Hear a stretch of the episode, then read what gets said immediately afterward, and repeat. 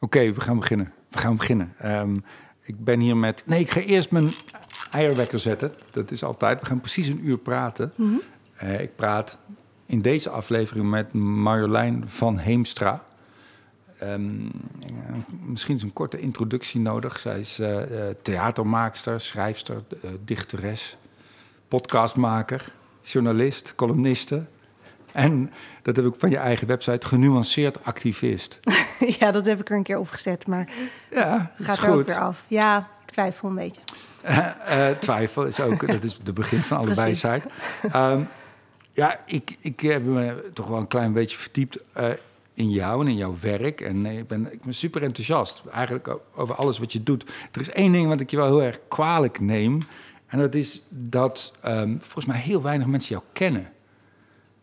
Ja, misschien wel in een kleine scene van theatermakers en Mhm. een paar eh, abonnement, abonnementhouders van, van, van de trouw. Maar als ik jouw naam noem, niemand kent jou. En dan vraag ik of ze wie weten wie de zonen zijn van Dries Roelvink. En dan komen ze meestal toch op met één of twee namen. Ja. Ja dit, dat ja, vind het ik jou kwalijk. publiek te- heeft mij niet ontdekt. Ja, nee. maar dan, dan leg je het weer helemaal buiten jezelf. Alsof het allemaal weer aan het grote publiek ligt. Maar, maar kwalijk moet dat dan? Is dat... Nou ja, ik, nou ja, ik vind dat je interessante dingen te vertellen hebt. En, en de zoektochten die je onderneemt, vind ik, eh, vind ik heel interessant. Ik zou wel meer mensen gunnen dat ze daar... eh, eh, ja, dat ze dat tot zich zouden kunnen nemen. Ik, ik heb dat vaak op gehad op vakantie en zo. Dat je dan, nu is alles digitaal, dan kun je alles lezen. Maar twintig jaar geleden, dan zat je ergens in een raar bergdorpje in Chili... en dan kon je gewoon een telegraaf kopen. Ja. En andere kranten niet. De Volkskrant niet, de NRC niet. En ik, ik haat de, de Telegraaf, maar die deden toch verdomme ook iets goeds dat die daar Dat lag. daar terecht kwamen. Ja. Ja, en precies, en dat is wat ik jou kwalijk neem. Moet Waarom? meer telegraaf worden misschien. Nee, gewoon zorgen dat je er bent. Dat, dat je, Maar ik ben er. Ik ben er gewoon. Ik ben er Ja. toch? Het is... Ja, en het is ook niet dat ik een eh, strategie eh, hanteer om eh, niet gezien te worden of zo. Ik bedoel, ik maak werk. Ehm, en, eh, en, en daar kan ik ook van leven, dus het is er. En er zijn mensen die dat willen zien of willen lezen. Ja, ik weet niet zo goed wat ik anders moet doen. Ik weet niet, word je wel eens, word je wel eens gevraagd voor talkshows of zo bijvoorbeeld? Heel vaak en altijd afgebeld. Afgebeld. Ik, ben, ik denk elke dan zitten keer... wel weer die zonen van Dries Roelvink zitten daar ja, die zitten weer. er wel. Ja. Voor de Wereld Door ben ik volgens mij negen of tien keer gebeld en afgebeld. In de loop der jaren. Dus het is ook misschien een beetje pech. ja. Ik weet het niet. Te genuanceerd. Te genuanceerd, kan dat? Ja, voor tv misschien wel. Kan wel, ja, kan. Wat, ik, ik noemde net een beetje op wat je allemaal uitspookt, beroepshalve. Ehm, maar ik denk dat er ook wel een gemeenschappelijk iets is, toch? In al die dingen die je doet. Wat, wat, wat ben, je nou eigenlijk, wat ben je nou eigenlijk aan het doen, Marjolein? Ehm, nou, qua zeg maar handeling denk ik dat alles begint vanuit schrijven. Dus ik zou mezelf in eerste instantie altijd een schrijver noemen. Hmm. Ehm, en mijn schrijven is ook verhalend. Dus ik, ik ben gewoon de hele tijd op zoek naar eh, bepaalde verhalen die voor mij iets zeggen over de tijd waarin we leven of, of een wereld waarin ik zou willen leven. Dus ja, schrijven. En dan vervolgens eh, krijgt dat soms een podcastvorm of een voorstelling of een, wordt een boek. Want ja, is het een, is het een, een zoektocht? Naar de vorm? Nee, naar, naar eh, hoe je te verhouden tot de wereld om je heen. Ja, ja. Dat is het eigenlijk de hele tijd. En die verandert natuurlijk gedurende de jaren, want je verandert zelf ook. Dus je hebt andere vragen. Hmm. Dus het is niet dat ik één thema heb wat ik, wat ik al tien jaar eh uitpluis of zo. Maar het hangt altijd wel een beetje samen met... Het gaat heel vaak over iets wat ik echt niet begrijp. Iets wat buiten mezelf ligt. Ehm, en de vraag hoe ik me daartoe kan verhouden. En dat is dan soms de diepzee of soms extreem rechts. Zeg maar, dat kan, kan het allebei zijn. Want je hebt, je hebt eh, gek genoeg, eh, je hebt godsdienstwetenschappen gestudeerd, Ja. toch? Mhm. En hoe kwam je dan tot, hoe, hoe ging dat dan, hoe, hoe werd jij theatermaker? Ehm, bij Via Frascati Theater in Amsterdam ging ik wat workshops doen tijdens mijn studie. En dat ging goed. En toen zeiden ze, Een workshop wat dan? ehm, ja, eerst iets tekst schrijven of zo. En toen ging je dat presenteren en dat ging toen goed. En toen zeiden ze, wil je niet een kleine voorstelling maken? En zo ben ik er eigenlijk ingerold. Dus ik heb daar nooit een opleiding voor gedaan. Maar wel binnen Frascati heel veel kunnen experimenteren. En dat Mhm. schrijven ben ik er altijd naast blijven doen. En het voelde ook niet als een hele onlogische stap. Want ik ging, ja, ik wilde wel, ik ging godsdienstwetenschap studeren omdat ik conflictbemiddelaar wilde worden.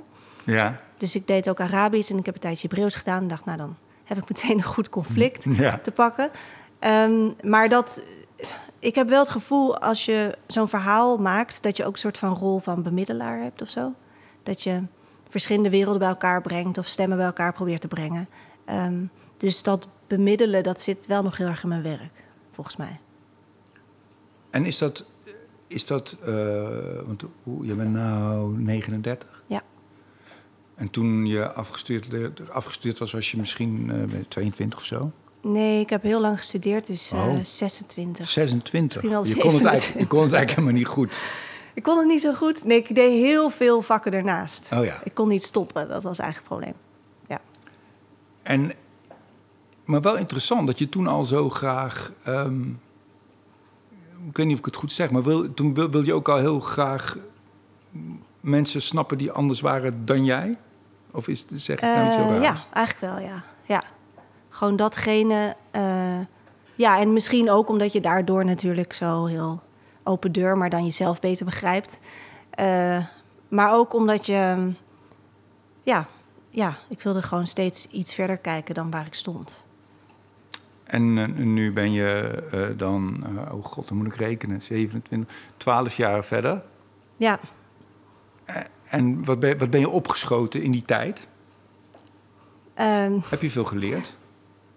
Deze podcast Ja. heet Ervaring voor Beginners. Heb Ja, je, ja. Wat, wat heeft die ervaring en die, die tijd, wat heeft die je opgeleverd? Ehm, nou, ik ben in ieder geval nederiger geworden dan ik was. En dat vind ik best wel een belangrijke les. En ik ben nog lang niet waar ik wil zijn, maar Je bent heel nederig. Je ambitie is Nou, om heel nederig te worden. ja, ja maar dat woord, ja, oké, is een beetje een shitwoord zo, maar nederig als in, ik bedoel gewoon dat het niet om jezelf gaat. Het gaat natuurlijk uiteindelijk, toch? Daar gaat, het- je wordt gelukkiger als, als je persoonlijke geluk niet is wat je najaagt, Hmm. in principe. Omdat het Dat een gewoon- bijproduct is van iets anders. Eh, meestal wel. En dat persoonlijke geluk, als je dan. ehm, eh, het, het gaat. Je wilt natuurlijk je wilt een soort status waarin je eh, tevreden bent met wat je hebt, waarin je weet dat eh, de wereld niet om jou draait, waarin je niet te afhankelijk bent van meningen van anderen. Eh, zeg maar al die dingen die je ego voeden, die maken je ook ongelukkig vaak. Maar dan zou Dus- je gewoon kunnen stoppen met werken en je twee kinderen kunnen opvoeden. Dat is volgens mij de ultieme zelfopoffering. Ja, nou ja. Dat, Weet ik niet. dat- Nou, weet er ik zijn niet, al want- omstandigheden waarin dat heel makkelijk wordt, om, omdat het niet om jou gaat. Ja, maar je wil, ja, maar je mag natuurlijk ook gewoon doen waar je van houdt of zo. Je hoeft Tuurlijk, niet jezelf van ja. alles te ontzeggen. Dat is ook niet wat ik bedoel, maar wel dat je een soort meer, je doet het allemaal omdat je het belangrijk vindt, omdat je het leuk vindt, maar de kern is niet dat. Ja, Snap je dat je niet per se bent wat je doet? Zo. ja. Ik ben iets minder wat ik doe. Ja. En dat was ik heel erg. Ik was alleen maar, dacht, oh ja, ik ben niks als ik dat niet heb geschreven, als ik dat niet af heb, als ik Ja. dat niet, als ik daar niet, als ik die prijs niet heb gewonnen. En dat is nu. eh, dus je minder. ego, je ego. Gewoon ja, ego. Dus dat Ja. is nederigheid volgens mij. Dat je ego iets, dat je iets beter weet hoe je die terug moet roepen. Ja, dus het is een, een pad van verlichting wat je bewandelt. ja, ja. Ja? Nee, ik doe daar Ik niet lachig over hoor. maar je lacht wel. Ja, ik lach Maar- wel, ja. Nou, eh, ja, ik mag hopen dat het een pad van verlichting is. Ja, wat voor pad zou je anders willen volgen? Ja, nou ja, Uiteindelijk, het feit uiteindelijk. Dat, jij, dat jij nog steeds jezelf wil... Je zou ook kunnen bedenken dat het goed is zoals je bent. Dan hoef, dan Mhm. hoef je geen pad te gaan waarin je een transformatie ondergaat... of waarin je verandert. Ja, maar zoals je bent, eh, de- om daar te komen moet je toch al heel veel... Daar mo- moet je toch heel veel meters voor afleggen. Om te ja, snappen wat dat dan wel, is. anderen en- niet. Ja, maar ja, wie Ja. zegt dat je dat moet snappen? Ehm, nou, ik denk, laat ik het zo zeggen. Ik, ik, was, ik was daar niet. Ik had niet. Als ik was gestopt na mijn studie met doen wat ik toen wilde doen. En gewoon zeggen: oké, dit is het, dit accepteer ik. Dan was ik niet.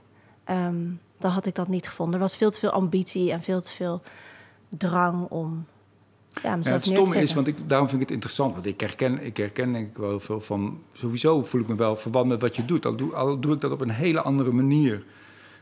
Eh, maar het is best een ingewikkelde knoop volgens mij. Die je. eh, eh, ik geloof ook dat een, dat een, een, een ego en je ambitie is ook zo'n motor ook. Van waarom je dingen Mhm. Ja, doet. ja. En dan doe je die dingen en daar, en daar leer je van. En je ontmoet mensen en je gaat op je bek en je staat weer op. Het is heel stom ook om die motor uit te willen schakelen. Bes- Bestaat volgens die motor hoeft- zonder ego? Ehm, ik denk dat dat wel kan. Volgens mij is dat mogelijk. Misschien nooit helemaal, omdat je als mens nooit dat ego helemaal kan uitschakelen. Maar ik denk wel dat je dat, je dat kan naderen.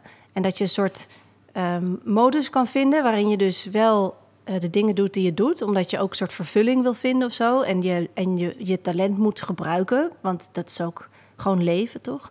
En dat je tegelijkertijd weet dat dat, is niet, dat niet is wat je bent. Want dan ben je ook niet zo afhankelijk van de goedkeuring of van het applaus. Of van de, dus dat je daarnaast een soort onafhankelijkheid hebt ehm, van dat ego. Want het ego wil steeds gevoed en dat wil ge, Ja. geaaid en dat wil bevestiging. En, Maar nu klinkt het alsof, daar ben ik helemaal niet. Nee, hè? nee, ik dacht nee, gewoon, nee, oh je ja, beschrijft 12 het pad en, nou, en, en, en je ambitie eigenlijk, toch? Van waar je Ja. heen wil. Ja, dus en, en, En, dat je bent is een eindje op weg. een klein eindje. Ja. ja. ja. Dus nou, dat is een van de dingen. Als ik nu denk van oké, als ik iets geleerd heb, is het dat ik misschien daar wat minder last van heb. Dus ook minder goedkeuring nodig heb. Ja. Het minder erg vind dat niemand mij kent. dat soort dingen. Ook al word ik daar dan zo boos over. Meteen in het begin van Ik word daar niet meer boos over. Nee. Nee. Zo, ja, dat is best een, toch ook wel een opgave, ja. Want ik, eh, ik voel ook, een veel, ook wel ook een hele grote ambitie om... je- ik heb het idee dat je ook wel de, de, de wereld wil veranderen ook. Beter wil maken. Je bent een wereldverbeteraar. Nou, ehm, ja, ja, in zekere zin. Ja. Maar ik heb niet de illusie dat, dat ik dat kan doen door mijn werk. En ik denk ook niet dat het zo zou zijn als 1 miljoen Nederlanders mij wel zouden kennen. Maar je beweegt toch gewoon een richting op waar je in gelooft of zo. Dus het is logisch dat je werk ook dat ondersteunt waar je in gelooft. Ja, gauw. Ik zat vorige week zat ik hier met Jurgen Rijman te kletsen. En die, die, die is heel lang bezig geweest met... met eh, dat, dat, dat was heel leuk dat hij daar zo eerlijk over praatte ook. Die was heel la- lang bezig met ge- geld verdienen. Die wilde gewoon veel geld verdienen. Totdat hij ook op een gegeven moment op een punt kwam dat hij merkte dat dat het helemaal niet was... en dat hij daar niet gelukkig van werd. En nu doet hij ook wel hele andere dingen. En, eh, dus, maar het is niet vanzelfsprekend dat je meteen, en zeker niet als je zo jong bent, meteen, dat je ambitie meteen is dat je de, de wereld wil veranderen. Nee, nee, dat is misschien wel zo. Dat heb ik hier gewoon iets te veel van huis uit. Ik doe ook gewoon heel braaf wat mijn ouders willen dat ik doe. Jij komt ook uit een specifiek milieu, denk ik. Ja, ja. Nou ja, hoog opgeleid, Ja, beetje ja. intellectueel misschien wel, eh, cultureel onderlegd, Mhm, ja. links. ja, geld verdienen was zeker niet eh, iets waar je trots op zou moeten zijn. Als je dat zou ambiëren bij ons. Ja.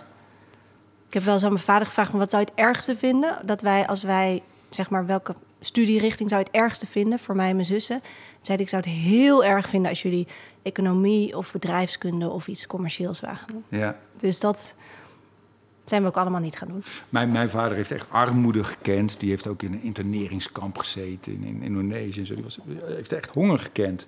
En die wilde echt dat ik naar de. Die, en die heeft zichzelf wel een beetje ontworsteld aan zijn milieu en heel hard gestudeerd. En die heeft Ja. een soort HAO-achtige studie gedaan en een goede baan gekregen. En die wilde ook dat ik naar de HAO ging. En mijn zus ging rechten studeren, omdat mijn vader dat wilde. En toen vertelde ik dat ik naar de theateropleiding wilde. Toen zei hij ook, Theo, maar je weet toch wel dat je dan Heel arm wordt. ja, dat je geen geld gaat verdienen. Ja. Dat vind ik, helemaal niet, vind ik helemaal niet erg.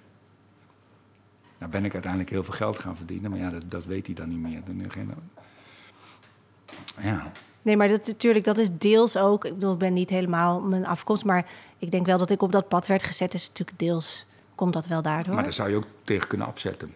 Precies, had ook gekund. Ja, En eh, ik denk dat het bij, in het geval van onze familie gewoon was dat ik vond mijn ouders ook leuk. En ik geloofde ook eigenlijk wel in wat zij deden en waar ze voor stonden.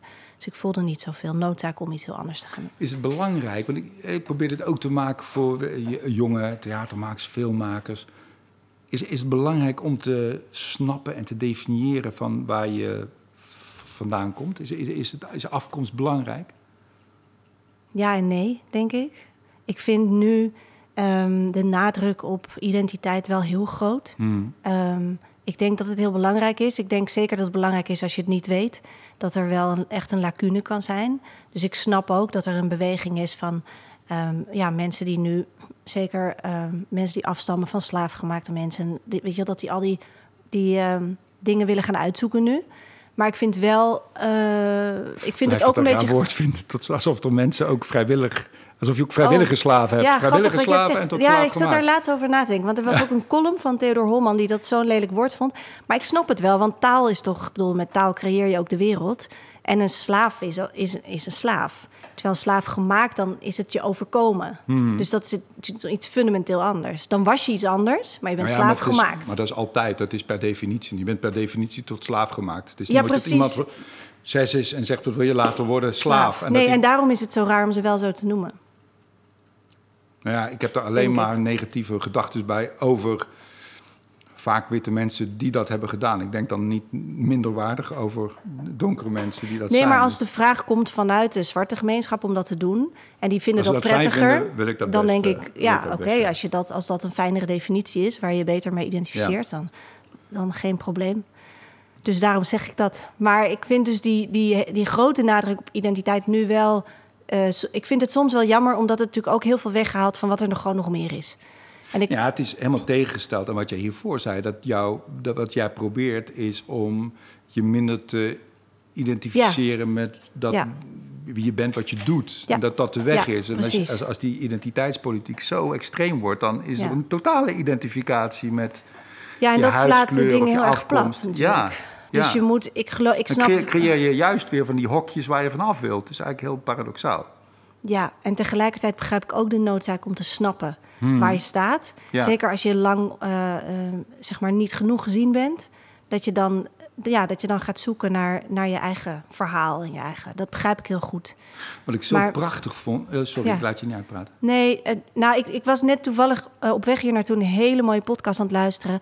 Uh, en er werd een, een, vrouwelijke natuurkundige, Jenna Levin heet ze geloof ik, Amerikaans. En die vertelt dan over, die houdt zich bezig met zwart gaten en het einde van het heelal en zo. En die vindt alles wat tot een, miljard, een miljoen jaar geleden, zeg maar, alles daarvoor vindt ze interessant. Alles wat daarna gebeurde vindt ze local politics. Dus dat gaat ze er eigenlijk niet op in.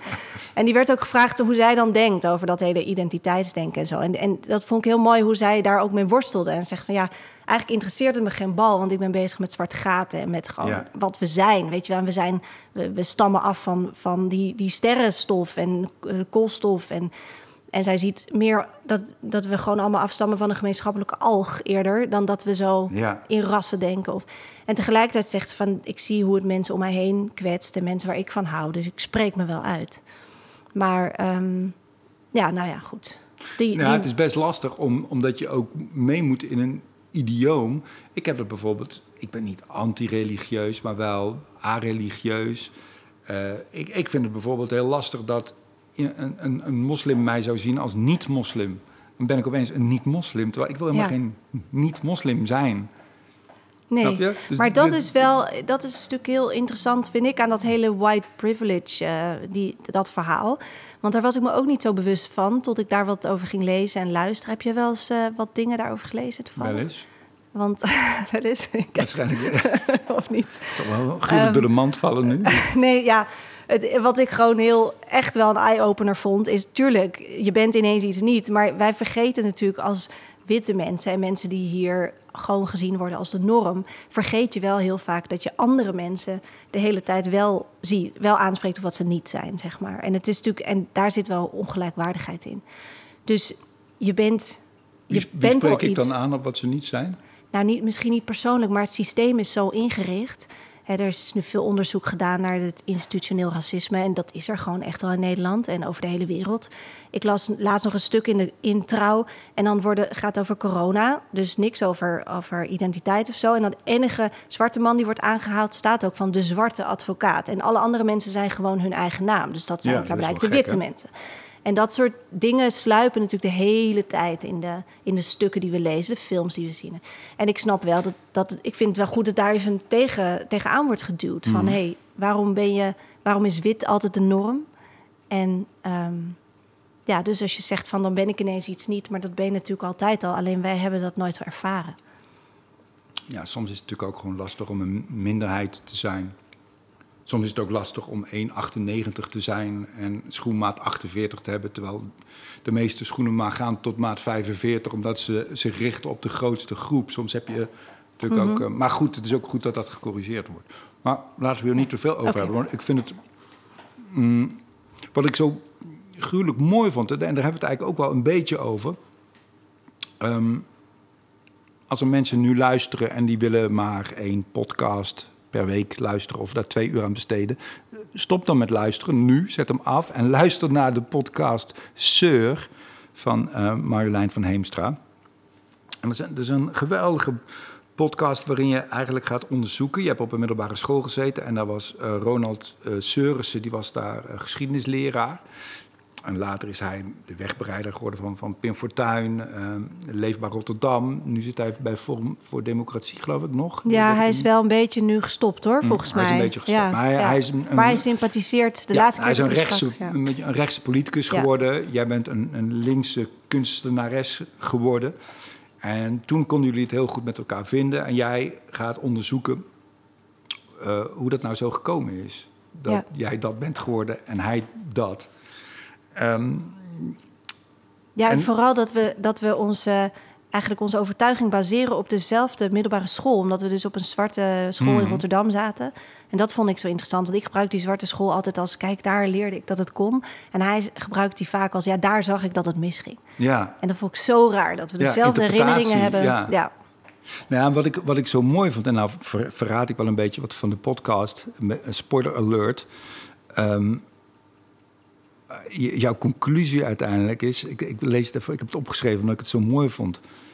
We worden allemaal opgezadeld met een specifieke wapenuitrusting waarmee we de wereld betreden. En jij zegt eigenlijk, ja, ik heb een onzichtbaar panzer van vertrouwen in het leven en in vertrouwen in een, goede afloop. Dat, dat, um, ja, dat vond ik echt, dat vond ik zo mooi en ook. Uh, ja, dat, dat wil ik eigenlijk vooral zeggen. Dat ik het heel mooi vond. Ik zit nou te denken om daar een vraag aan, aan te koppelen. Maar dat gaat eigenlijk ook nog steeds over die... toch steeds over die identiteit nog ja. steeds. Maar misschien als je die vraag, zeg maar de grote vraag van deze podcast... van wat heb je geleerd, of zo, of lessen... Hmm. dan dat is wel iets wat ik heel erg geleerd heb... en um, wat ik ook moest leren denk ik, afgelopen jaren. Ik heb heel veel werk gemaakt dat ging over gelijkheid of weet je, van die wereldverbeterende dingen. En ik kwam er gaandeweg pas achter. En dit was echt ver voor white privilege en al die dingen. Kwam ik er gewoon achter dat het hoe makkelijk het was voor mij om daarin te geloven en om mhm. dat te prediken. Ja. En dat was wel echt iets. Um, ja, terwijl ik dus ik maakte een voorstelling met een um, uh, dan interviewde ik drie mensen die op dezelfde dag geboren waren als ik op een andere plek in de wereld, Family 81. En er was dan een meisje uit Zuid-Afrika, Libanon en een jongen uit India. En ik ging ze alle drie opzoeken om onze herinneringen uit de jaren negentig te verzamelen en te kijken van wat bindt onze generatie. En ik kwam er eigenlijk heel snel achter dat ja, we hadden wel gemeenschappelijke herinneringen, maar die interpreteerden we allemaal anders. Dus Nelson Mandela was voor ons allemaal iets totaal anders. Eh, zoals heel veel andere dingen. En ik kwam er vooral achter um, dat hoe heftig het eigenlijk was dat ik de enige was van ons vieren die naar de andere toe kon reizen om die herinneringen te verzamelen, om daar vervolgens mijn voorstelling van te maken. En dus dat was ver voor dat hele white privilege verhaal. Ja, werd ik me daar eigenlijk heel erg bewust van mijn uh, en ook hoe ja, van, van mijn privilege eigenlijk. Ja, hoe wereldvreemd is jouw eh, perspectief dan wel niet? En waarom, waarom moet iedereen dat dan, dat lijkt me een, een, een uh, ik weet niet, dat zou me impotent maken als ik, als ik dat zou denken over mezelf. Van, uh, dat is dan zo'n specifieke, bijna wereldvreemde kijk op de wereld die jij hebt. Nou, nee, want ik denk dat iedereen in een, in andere gradaties dat heeft. Toch? Iedereen krijgt bepaalde dingen wel en niet mee. En het is best wel hmm. interessant om je bewust te zijn van, oh ja, waar, waar heeft mijn afkomst of mijn kleur of, of whatever mij een soort zetje gegeven? En waar heeft het mij tegengewerkt? Zonder dat je daar dus helemaal mee gaat identificeren. Ja. Zonder dat je daar boos over wordt of verbitterd. Want dan, dan gaat het je tegenhouden. Ja. Maar wel kijken van, oh ja, wie, waar kom ik? En daar vind ik identiteit dus heel interessant. Want het kan je veel, het kan je veel meer mededogen geven voor andere mensen, voor andere verhalen. Omdat je snapt van, oh ja, ik, ik, ben, ik ben daarin gestroomd. En dat heeft mij, heel, in mijn geval, heeft me dat heel veel voordelen gegeven. En een groter bewustzijn daarvan heeft het wel veel makkelijker gemaakt om anderen de ruimte te geven en te luisteren en ja, te begrijpen dat ik dus zeg maar mijn aanpak soms ook een soort van ja, dat mensen dat heftig vonden of zo. Dat ik zo, ik stapte zo in drie levens van, nou jongens, wat vonden jullie van de jaren negentig? En toen kwamen er echt, ja, mijn vader werd vermoord op straat en mijn broer werd geëlektrocuteerd en we hadden een burgeroorlog. En ja, bedoel, dat, ik wist, ik had het wel een beetje geresearched, maar daar kwam voor mij wel een heel groot besef van, eh, ja, waar ik sta. Ja. Ik had het hier nog laatst in Toemelen, was ik met een Turkse comedian, uh, Turkse comedian aan het praten. En toen zat ik ook zo'n beetje te beweren van hoe, wat voor fijne politie we hebben in Nederland. En dat je altijd wel met ze kan praten. En toen gaf hij mij ook even zo'n time-out. Ja. Zo van, Theo, wacht, wacht even. Ja, Jij weet niet hoe het is om met een stel Turkse jongens bij elkaar te staan. En Ja. hoe, hoe het dan eraan toe gaat. Ja, nou, dat weet ik. Dat weet ik inderdaad niet. nee. Maar dus weten dat je dat niet weet is, Is al heel wat. is heel prettig. Ja. Ook voor anderen, denk ik. Ja. Hoe heb jij je, hoe heb jij je eh, ik zou bijna willen zeggen, technisch ontwikkeld? Omdat jij geen, je hebt geen theateropleiding gehad. Nee. Ging dat vanzelf? Nou, ik heb heel veel eh, steeds begeleiders eh, gehad. Dus dat regelde Frascati, dat was super fijn. De eerste persoon met wie ik ging werken was eh, Neske Becks. Die heeft mij heel erg geholpen met schrijven. Toen vervolgens Peter van de Ede van de Koe. Ja. En daar heb, ik, ja, ja, daar heb ik toen een hele rare voorstelling over onderzeeërs eh, meegemaakt. Maar en daar heb ik heel veel van geleerd. Ehm, Willem de Wolf heb ik meegewerkt. Ja, gewoon heel veel. Kijk, het maar fijne. wat vertelde hij dan tegen jou? Wat, wat, wat zei ze dan tegen jou? Nou, ik weet nog met Peter, dat ging echt over hoe sta je op een podium. En ik wist wel, ik kon wel gewoon een verhaal vertellen, want daarom mocht ik dat ook gaan doen. Maar ik, ik wist niet zo goed, ik had gewoon geen techniek inderdaad. En, ehm, en die zei bijvoorbeeld over tekst uitspreken, dat het gaat om eh, onthouden en vergeten. Dus je moet je tekst vergeten en op het allerlaatste moment moet je hem onthouden. Ja. Dus je leert hem he- helemaal van buiten. En je kent elke punt, elke komma. Dan vergeet je hem. Dan ga je het podium op. En dat is natuurlijk doodeng. Want je gaat eigenlijk blanco ga je staan. Maar hoe doe je dat vergeten? Door, door dat niet... Door he- je helemaal te concentreren op, dat, op je lijf, op het, de plek waar je bent. Mhm. En niet op het verloop van je verhaal nog. Dat zit er Ja. allemaal wel, want je hebt het. Maar dat oefenen, ja, dat vond ik heel interessant. Zo vergeten, onthouden, vergeten, onthouden. En de, de angst eh, en de opluchting die elkaar dan de hele tijd afwist van... ik weet het niet meer, oh, ik weet nog, ik nu is het zo. Dat, eh, Mooi, ja. ja. Kwamen we, komen we vaker tegen door de kunst van in het hier en nu zijn. Is dat heel Totaal, ja. ja. ja. En, dat, en daar werd ik ook eigenlijk door, door hem werd ik heel erg verliefd op dat podium. En Ja. op de, het gevoel van daar staan en niet vertellen. Bij mij is altijd ook de metafoor van... Ik heb vroeger, eh, ja, nou word ik helemaal niet meer serieus genomen, gehandbald. En ik ging altijd oefenen en dan liep ik ook vaak op een lantaarnpaal af. En dan wilde ik zo lang, laat mogelijk bes- beslissen of ik links of rechts af ging. De, als Ja. schijnbeweging. Dus op een gegeven moment Ja. dacht je van links. Ik dacht, nee, ik kan nu nog anders. En, Ja. dan, en met tekst is dat, kan dat ook helpen. Om eigenlijk zo laat mogelijk te beslissen hoe je het gaat zeggen. Ja, precies. Ja, ja. Ja dus het aanwezig zijn, eigenlijk de aandacht. En heb je nog meer van dat soort goede wijze... Het is een goede, goede les. Dus denken. ehm, nou, die heb ik nu, nu even niet paraat, maar misschien kom ik er zo op. Ja. Ja. Hey, en ehm, nou, je bent nou nog steeds maar 39. Wat, heb jij, wat zijn nu jouw ehm, ambities? Wat, wat, ga je, wat, wil je nog, wat, wil, wat wil je nog leren, wat je nu nog niet kan? Nou, ja, heel veel. Ehm, ik zit een klein beetje in een ehm, professionele crisis. Voor mezelf dan. Omdat ik. ehm, Eindelijk geef je het toe. ja, Dit is ook veel meer een interventie. We gaan dit helemaal niet gebruiken. Ja, Dit wordt niet precies, uitgezonden. Maar hoe gaat het nou eigenlijk echt met je? ja, Gaat niet goed, hè? Nee, ik, Ja, ik, ik ben een klein beetje... Nee, niet een klein beetje. Ik ben echt totaal uitgekeken op mezelf in het theater. Ehm, Heerlijk. Ik, ik doe nu natuurlijk al... Toch al tien jaar ga ik, doe ik zo die tournees. En, en inderdaad, ik ben niet... Ik, ik, in mijn publiek is redelijk beperkt. Je Ehm, hebt ook wel iets best productief ook. Je hebt iets van 15 voorstellingen Heel veel gemaakt. Dat is echt heel veel. Ja, en, ehm, en op een gegeven moment zo mijn eigen toon ontdekt en mijn verhaal.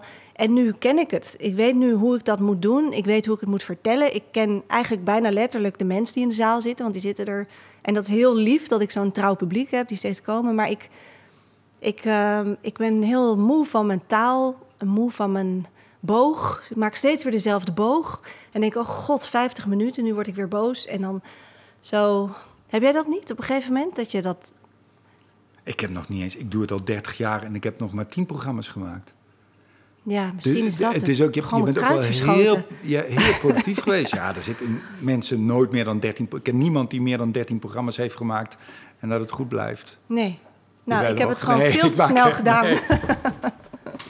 Nee. Ik, eh, ik moet even... Dus ik, ik zit nu... ehm, ben ik enorm in de ruimtevaart eh, gedoken. Ik ben Ja. correspondent ruimtevaart bij de correspondent. Ik ben nu een boek aan het schrijven over de ruimte. Heel veel aan het lezen daarover. En ik, ik ben... Ik begin Je te dacht, denken... hier op aarde kan ik toch niks meer Nee. betekenen. Laat mij even in de ruimte kijken. Mars. hoe het dan- Ik ga ja, het daar proberen. ja, nieuw Ehm, publiek aanboren. Er schijnt leven te zijn, dus... Nee, ik, eh, voor, het gaat me vooral om dat ik een nieuwe taal zoek... en dat ik een nieuwe gedachtenstroom zoek... en nieuwe inzichten. Ik wil nieuwe mensen horen, nieuwe ideeën. Dus Ik heb wel een idee wat je moet doen. Ja? Dat klinkt ook raar, maar daar zit ik wel aan te denken. Want ik, eh, wat ik al zei, ik vind het eh, allemaal heel erg goed en wel doordacht en intelligent.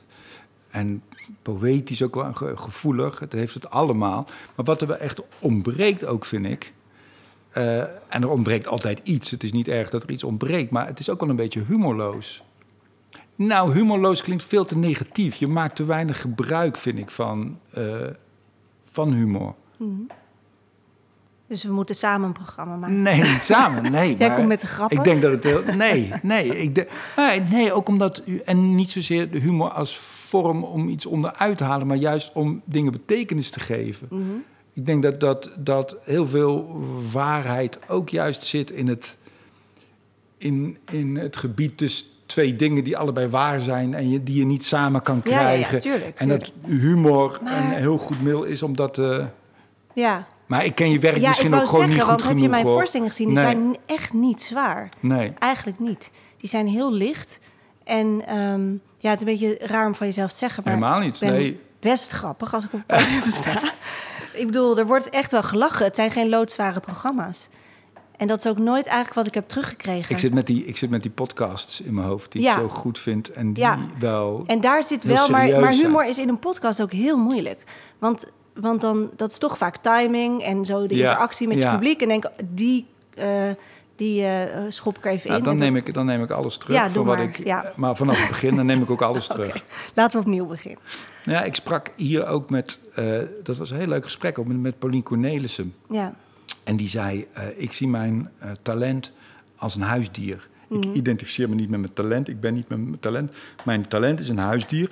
En ik vraag me steeds weer af, wat zijn fijne omstandigheden voor dat huisdier? Waar die zich Ja. wel voelt. En nou, dat is mooi. Ja. ja, en daardoor speelde zij op een gegeven moment... wilde ze ook niet meer hier in Toemler spelen. Omdat het dan te veel... met allemaal eh, macho jongens en te veel eh, mensen die grappen verwachten.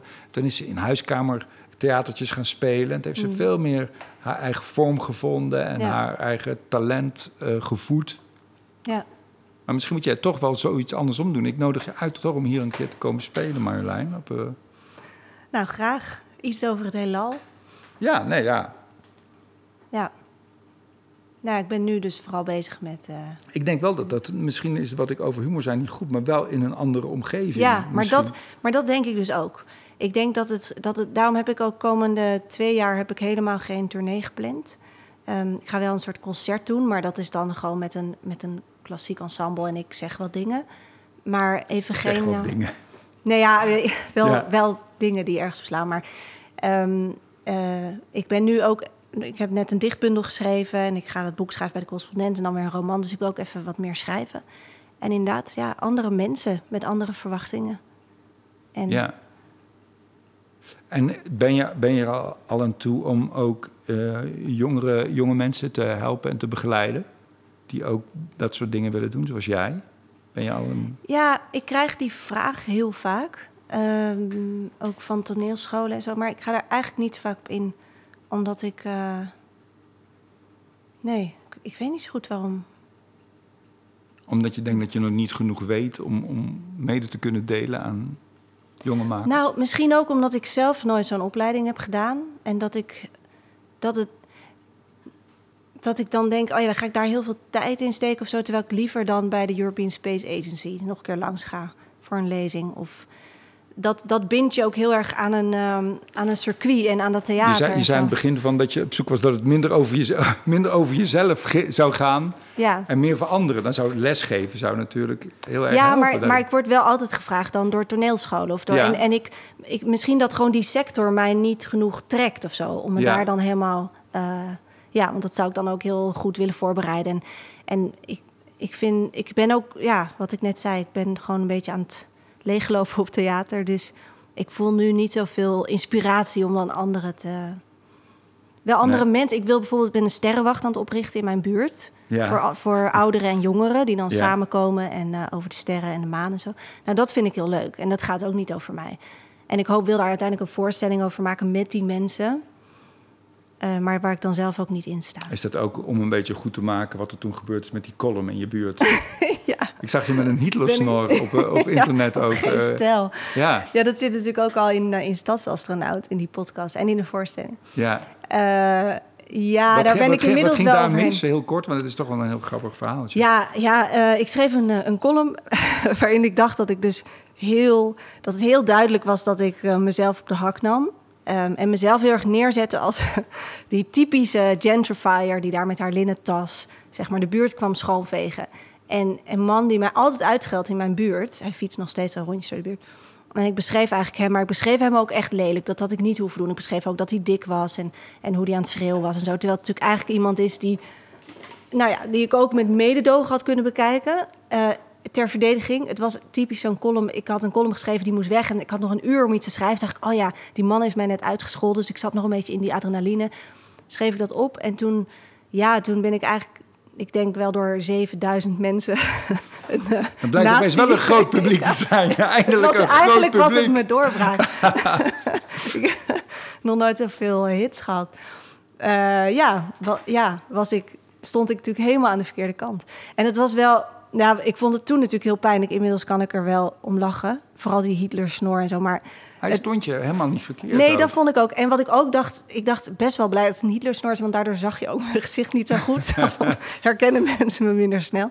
Maar jij kan ik- nooit meer met een Hitlersnor door de stad Nee, lopen. want dat is wel je jammer, ja. Dat is wel Dat is die ene. Ja, ik vond het wel... Het is natuurlijk wel pijnlijk dat ik al jaren bezig was... met allemaal hele genuanceerde theatershows... over verbinding en weet ik veel wat. En dan één zo'n column. En dus dat voelde heel erg toen zo van... oh, nu heb ik alles er niet gedaan. En dat bleek uiteindelijk weer heel erg mee te vallen. Maar ja ik, had, ik heb hem gelezen ook, de column. Ik, ik kon Ja. er ook geen chocola van maken hoor. Ik, ik snapte de verwarring.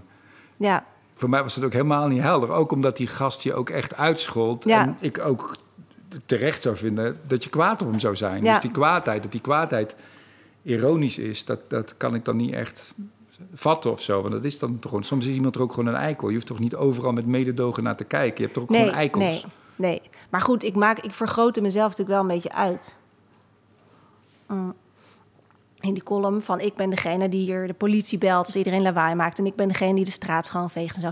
En dat had ik denk beter niet kunnen doen. Want daar vielen mensen echt heel erg over. Ja. En dat was wel een Maar die humor van jou, van- daar zit, daar Nee, zit helemaal dat- snor. dat- dat, snor is in dit verband ook weer een raar. daar moet ik dus nog aan werken. Ja, maar goed. Nou ja, het was ook wel interessant. Het is, eh, dat soort dingen schudde je ook wel wakker, toch? Van, oh ja. Maar dat vind ik ook wel, dat, toch vind ik dat interessant dan. Dat je ook weer bij zo'n. Ja, en daar verschillen we volgens mij heel, erg van elkaar. Dat jij. Dat, is ook raar. Dat je inderdaad zo'n gast die jou dan uitscheldt. En dat doe je dan iets mee in een column of op, dat zou ook in een conferentie kunnen zijn.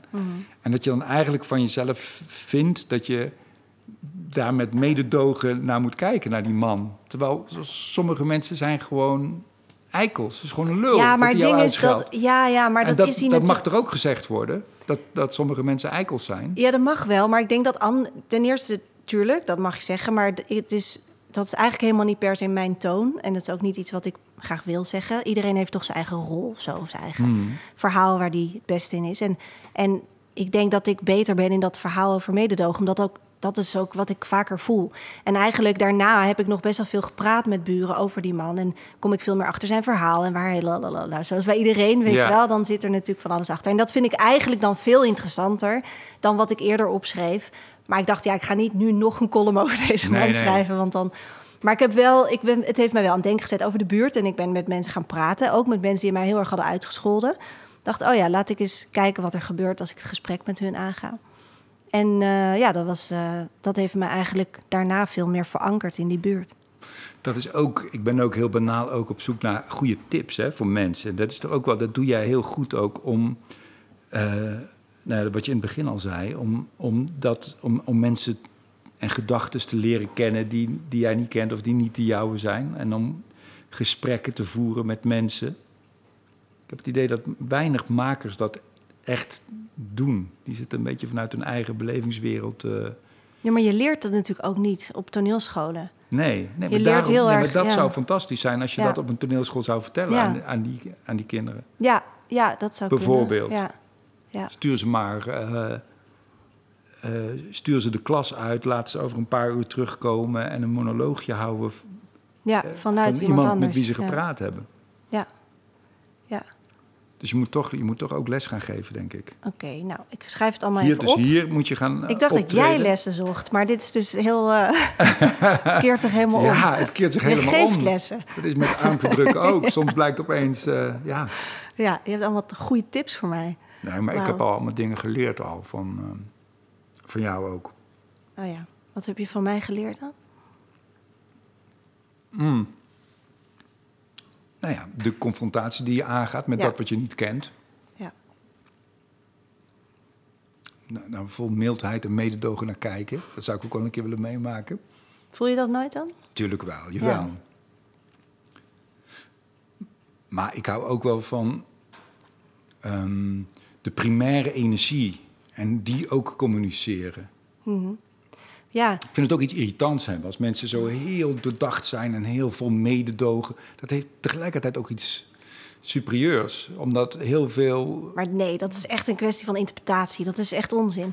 Want dat hele primaire, ja, dat kan je, kan doen alsof dat... Dat is natuurlijk heel lang, oh, dat is soort tegendraads. En dat is... Wij, zijn, wij schoppen tegen de schenen van de samenleving. Maar iedereen is inmiddels primair. Dus ik vind dat nu eerder een soort eh, eh, belegen standpunt... om zo primair Nou, maar te niet zijn. als je dat theatraal vormgeeft. Ik heb niet. Ik bedoel Ja, niet maar zelfs roepen. dat vind ik. Daar, ik moet zeggen dat ik daar ook in theater wel een beetje op uitgekeken ben. Ja? Ja, ja. ik Denk, ja, je moet ook je afvragen. Er, het, er verandert zoveel in zo'n snelle tijd. Van wat is nu eigenlijk nog, wat is de mainstream? Wat is het grote Hmm. verhaal? En hoe positioneer je jezelf? Want ik snap heel goed dat je een soort luis in de pels wil zijn. Maar in elke tijd ben je dat op een andere manier. En ik vind nu dat dat primaire en dat, dat die... Ja, ik snap wel die, die soort levensenergie of zo. Dat snap ik heel goed. Maar zo zeggen wat je van alles vindt en er niet over nadenken en zo... denk ik, ja, dat, sorry, maar dat, dat kan ik op Facebook gaan kijken als ik dat wil horen.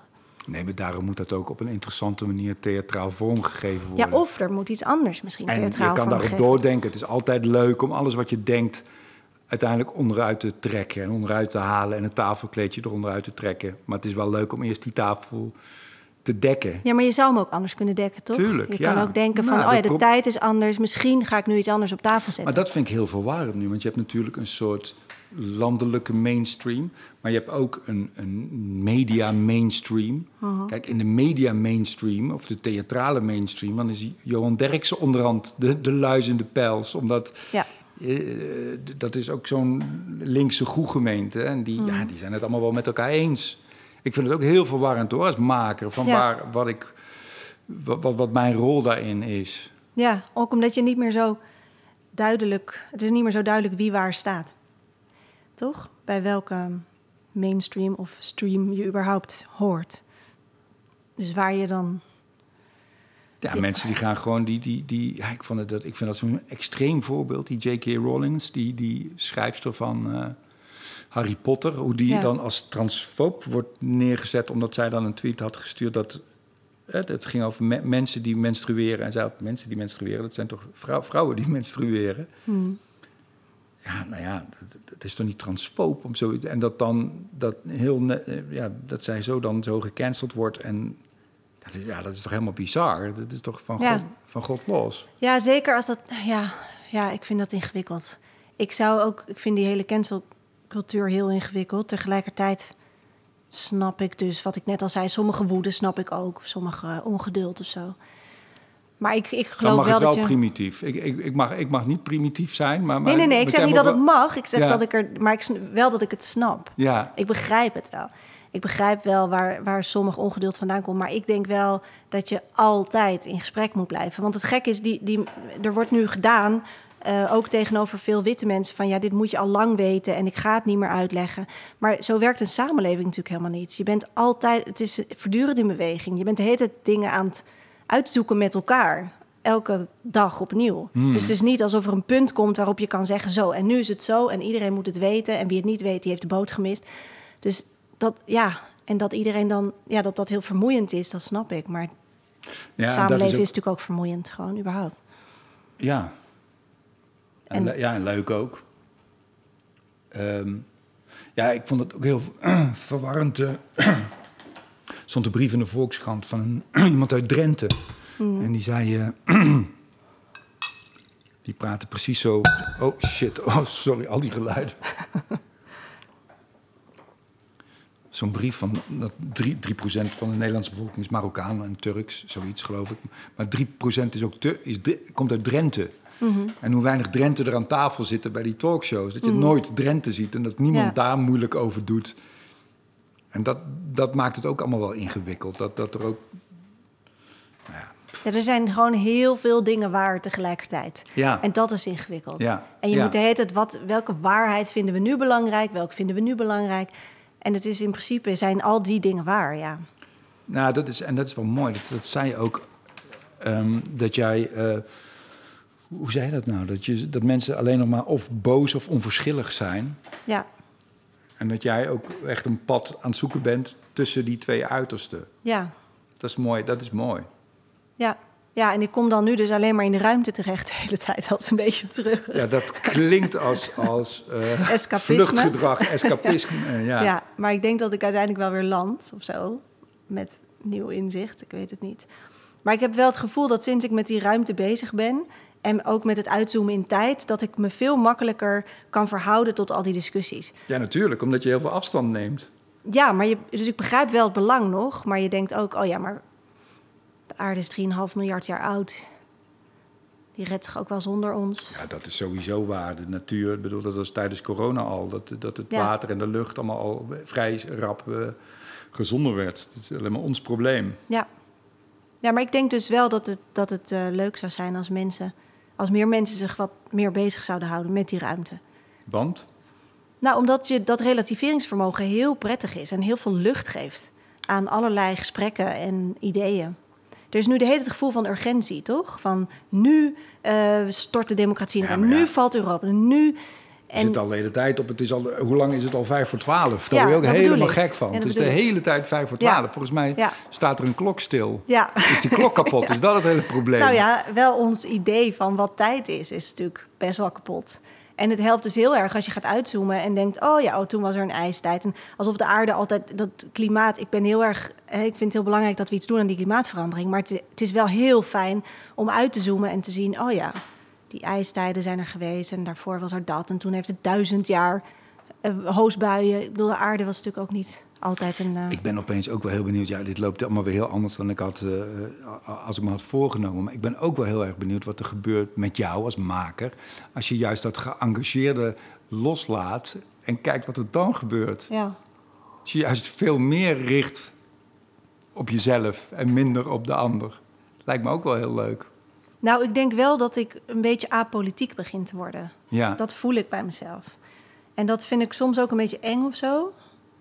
Omdat je dat ook loskoppelt van het dagelijkse. En van die urgentie en de krant moeten lezen. En, maar hoe meer ik bezig ben met Mars en Saturnus en, eh, En, ehm, Uranus vergeet je nou. Uranus, Ja, oh vind ik ja, ook heel pas op, belangrijk. ja, want die wordt weinig genoemd. Ja, Ehm, maar dus hoe, hoe minder eh, eh, politiek, ik, politiek geëngageerd ik me voel. En ik denk wel dat, mijn, dat ik daar misschien heen beweeg. En dat uiteindelijk geen... Ja, dat mijn voorstellingen echt, als ik ze nog ga maken, wel minder politiek worden. ja. Ja, je kan ook in een voorstelling ook, dat vind ik altijd ook een hele interessante beweging om uit te zoomen en in te zoomen naar microniveau en weer, Ja. weer daartussenin. En eh, dat is een interessante beweging altijd. Ja. Maar je zei, het gaat de andere kant op dan je dacht. Wat dacht je dan? Waar dacht je dat het heen Nee, ging? dat ik nou ga zitten. Inderdaad, nee, je hebt helemaal gelijk. Dat het eigenlijk is dat ik van jou wil leren dat ik allemaal dingen zeg die jij moet doen. Ja, Sorry daarvoor. Omdat je... Ja, Ja, ik waarom wist ook zeg he- je dat eigenlijk? Omdat, je, ik, ik wist natuurlijk ook niet dat jij in een artistieke crisis zat. ging. Nee, anders had ik natuurlijk heel iemand anders gevraagd. Met wie het gewoon goed ging. Ja, Die gewoon iemand kon vertellen wat- ja, hoe het moest. en dat die gewoon kant-en-klare tips had voor de, voor de nou, mensen. ik vind een artistieke crisis een hele goede tip. Dat zou, kan ik echt iedereen aanbevelen. Ja, Af en toe echt denken van, nou, ik heb geen idee waar ik het nu vandaan moet halen. Want dan ga je ook rare afslagen nemen. En dan kom je echt ook op plekken terecht dat je denkt... Zodat ik nu correspondent ruimtevaart ben, dat slaat helemaal nergens op. Ik heb niet eens wiskunde gedaan als eind. Snap je? Ik snap niks van, van zwaartekracht of... of nou, dan hoef je geen wiskunde, natuurkunde is dat. Kijk, dat, zo, die basiskennis Zo weinig mis ik al. weet jij, ja. En, ehm, en toch zit ik daar nu helemaal in. En dat is gewoon omdat ik het echt even niet meer wist.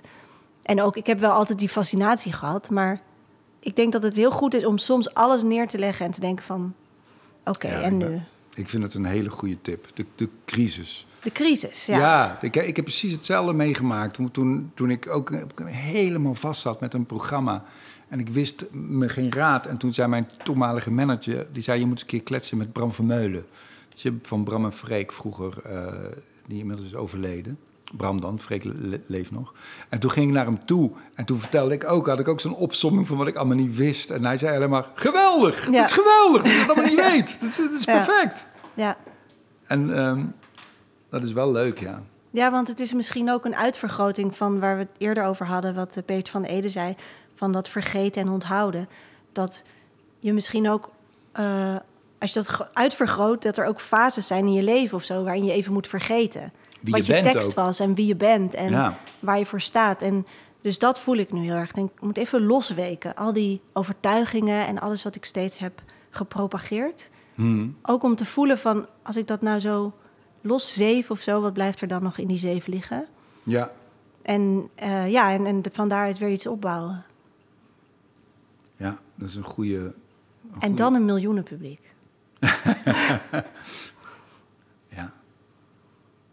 Zo rond mijn zestigste. Doorbraak. ja.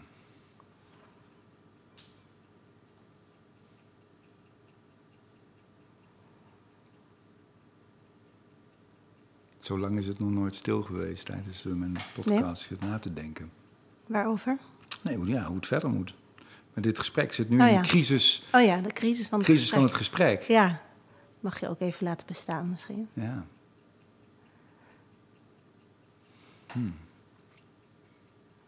Iets te veel gerelativeerd. Heb jij te veel Ja, gerelateerd? is dat het? Nee. Oh, nee, nee. Nee. Nee, het is, ik, ik herken heel veel. Ik ik heb dat ook. Als, oh, maar ik heb dat eigenlijk elke keer als ik een nieuw programma maak... dat ik probeer mezelf opnieuw uit, uit te vinden. En dat is een nobel streven. En uiteindelijk blijkt er toch ook wel heel veel overeind te blijven staan of zo. En dat Mhm. is helemaal niet erg. Nee. Wat trouwens wel, wat, wat ik ook nog wel als tip zou voor makers of zo. Ik neem aan dat makers dit luisteren, toch? Die, Daar ga ik wel vanuit. Ja. Miljoenen, Eh, miljoenen makers gaan dit makers. luisteren. Ehm, dat eh, gedichten schrijven, ook al doe je dat niet. Dat, ik heb nu net weer een dichtbundel geschreven en dat helpt mij dus heel erg.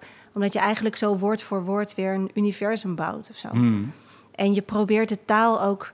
Je had het net over primair, zo'n soort primair gevoel wat je wil uiten. En dat vind ik dat poëzie dat heel erg is. Want je zit. Het is, het is zo ehm, bazaal. Je wil eigenlijk die taal opnieuw laten leven. Weet je wel, alle woorden. Door verschillende woorden naast elkaar te zetten. En spanning tussen woorden en afbrekingen. En het is onwijs millimeterwerk. En misschien door zo ontzettend in te zoomen op taal, wat eigenlijk in zekere zin een soort scheppings iets is. Zo'n Hmm. toch taal maken, taal geven. Ehm, zo bouw je ook weer eh, ideeën op of een Hmm. wereld op of zo. Voor mij voelt deze dichtbundel nu ook misschien als een soort stap naar een nieuw soort denken. En zo kwam ook, eh, omdat ik gewoon, ik heb nu wat, ik had zo wat woorden en wat gedachten en daar ben ik zo heel voorzichtig gedichten mee gaan bouwen. En die bundel is nu, ja, die is dan nu af. En er zitten ook best wel wat gedichten in die voor mij als een soort vooraankondiging voelen van eh, iets waar ik dus een klein beetje bang voor ben. Ik heb bijvoorbeeld een monoloog van de kwade alg. Die dus een alg die fulmineert over van ja, moeder aarde, hou op, weet je wel. Ik heb drie miljard jaar geprobeerd iets te worden, iets anders dan een alg. En ik ben altijd tegengewerkt door deze planeet. Ehm, en eh, nou ja, zo zitten best wel wat geluiden die dus heel, heel erg ingaan tegen alles wat ik zelf steeds propageer. Namelijk, jongens, we moeten de aarde redden. We moeten... Mhm. Dus ik hoor allerlei tegenstemmen eh, in mijn eigen werk opkomen.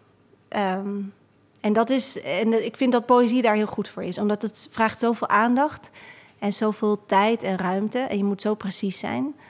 En het maakt niet uit of je kan dichten of niet. Ik bedoel, wie kan er nou dichten, weet je wel? Dus niemand zit Nico op een school. Dat is Ja, enige. dat is waar, dat is waar. Dat is waar. zo eh, alle Die kan minuut. echt dichten. Maar verder niemand. Nee. Dus ehm, een gedicht gaan schrijven, als je het niet weet, kan ook volgens mij heel erg helpen. Het is een raar, ik heb daar een hele rare verhouding mee met de, de dichtkunst. Ja? Ja, maar ja, het is misschien niet zo interessant om daarover... Ik, maar ik kan er... Ik, ik, ik hou heel erg van eh, literatuur en ik hou van, van theater en van film en van, van stripboeken ook. En van, maar ik vind dichtkunst, ik vind dat zoiets particuliers. Ik vind het zo niet communicatief. Het- maar dat is mijn beperking hoor. Ja, dan heb je gewoon denk ik heel weinig geprobeerd. Ja, dus eh, ik bedoel, je kan ik lus ook geen wijn. Heb ik ook niet. Ja, moet je... Ik lus geen wijn. Nee, ik lus geen wijn. Ik heb, Zonder thee ook, zeg je dan. Ja. Ja, Ehm, ja dat kan. Dat kan. Je kan het niet lusten, maar... Dit, Nou, dus- maar ook wat me dan irriteert is dat de waanzinnig hoge status die, die het heeft. Want het is eigenlijk poëzie wordt toch door veel mensen gezien als de hoogste kunstvorm. Nou, het is in ieder geval de kunstvorm waar je het minst mee verdient... en die ook het Ja. minst gelezen en gezien Maar dat wordt. vind ik ook wel terecht. Maar- Ik vind het zelf vind ik dat wel terecht. Ja, ik heb erom gevraagd. Eh, ik denk dat je echt dan gewoon niet de goede dichters gevonden hebt. Want dat, ik geloof niet... Er, er, er, zijn, er zijn gedichten voor iedereen. Dat is zo divers, dat bestaat niet. Dat je Maar ik vind een goede Goomba minstens zoveel waard. een goede wat? Goomba, cartoon van Goomba. Oh, oh ja, ja. Of Gumba, ja. niet jij hem Ja, maar het gaat toch ook niet wat er meer waard is? Nee, nee, nee. Nou, Dat nee, maar uit. het heeft wel een verschillende status. Gumba verdient denk ik meer dan de gemiddelde dichter. Misschien, ja zeker. Ja, Ja. die verkopen 200 bundels en dan eh, dat, Ja. aan vrienden en bekenden. ja, precies. Dus ehm, ik, ja, ik weet niet of Als dat nou dichter zo'n is het andere misschien nog wel is. belangrijker dat je een beetje leuke vrienden en kennissenkring opbouwt, waar Ja. die hem kopen, Hele dan grote dat je familie moet je precies de goede woorden op papier Ja. zet. Nee, maar ik Zo bedoel ik- dus het proces. Ja. Het proces van dichten. Ja. Het taal, het zoe- zoeken naar de woorden. ehm, ja, gewoon naar hoe je de dingen wil noemen. ja, En daar heel precies over nadenken. ja. Nou, dat, vind- dat, dat helpt mij in ieder geval heel erg. Kun, je, kun jij je goed, heb je daar ook weer trucs voor? Nou, trucs klinkt veel te banaal, tips voor. Van hoe kun jij je goed concentreren? Ja, het is wel met kinderen wel wat lastiger geworden. Ja, Maar ergens ook eigenlijk makkelijker, omdat als, je, als het kan, dan ga je ook of zo.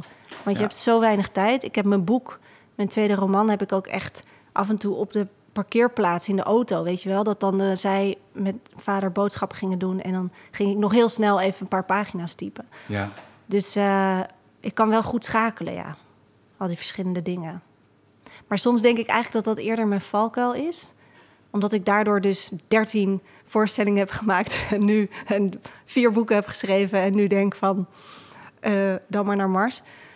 Dat, ja, dat is ook een beetje, denk ik, omdat ik vaak als een trein ga of zo. Ja, nou, je hebt heel veel eh, uitgeademd en er moet nou waarschijnlijk ook eventjes ingeademd Ja, maar worden. ook te snel. Waardoor ik heb, als ik achteraf het anders had kunnen doen... had ik al dat werk meer ademruimte gegeven. Maar dat heeft ook te maken, heel banaal, ook met populariteit. Want als je heel populair bent, dan kun je een tour maken van 80 voorstellingen. Dan ben je veel langer aan het spelen en dan duurt het langer voordat je wat nieuws kan maken.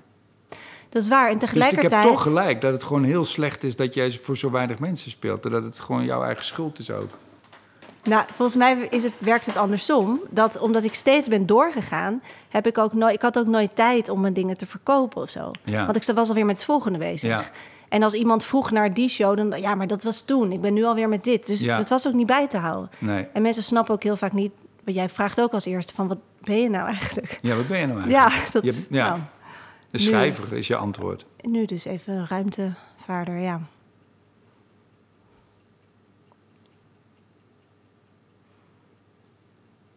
Nou, volgens mij heb je nog 10 seconden. Echt? ja, als ik. Ja, Oh, shit. Oh, Marjolein, ja, dankjewel. Ja, ik vond het super interessant. Sorry dat ik twee keer stil viel. Maar dat Maakt niet dat, uit. Dat maakt niet uit, toch? Ehm, ja, ik, heb helemaal niet, ik kan mijn briefje helemaal niet lezen als ik mijn bril op heb. Eh dankjewel en eh, Ja, succes met je, met je crisis. Mhm.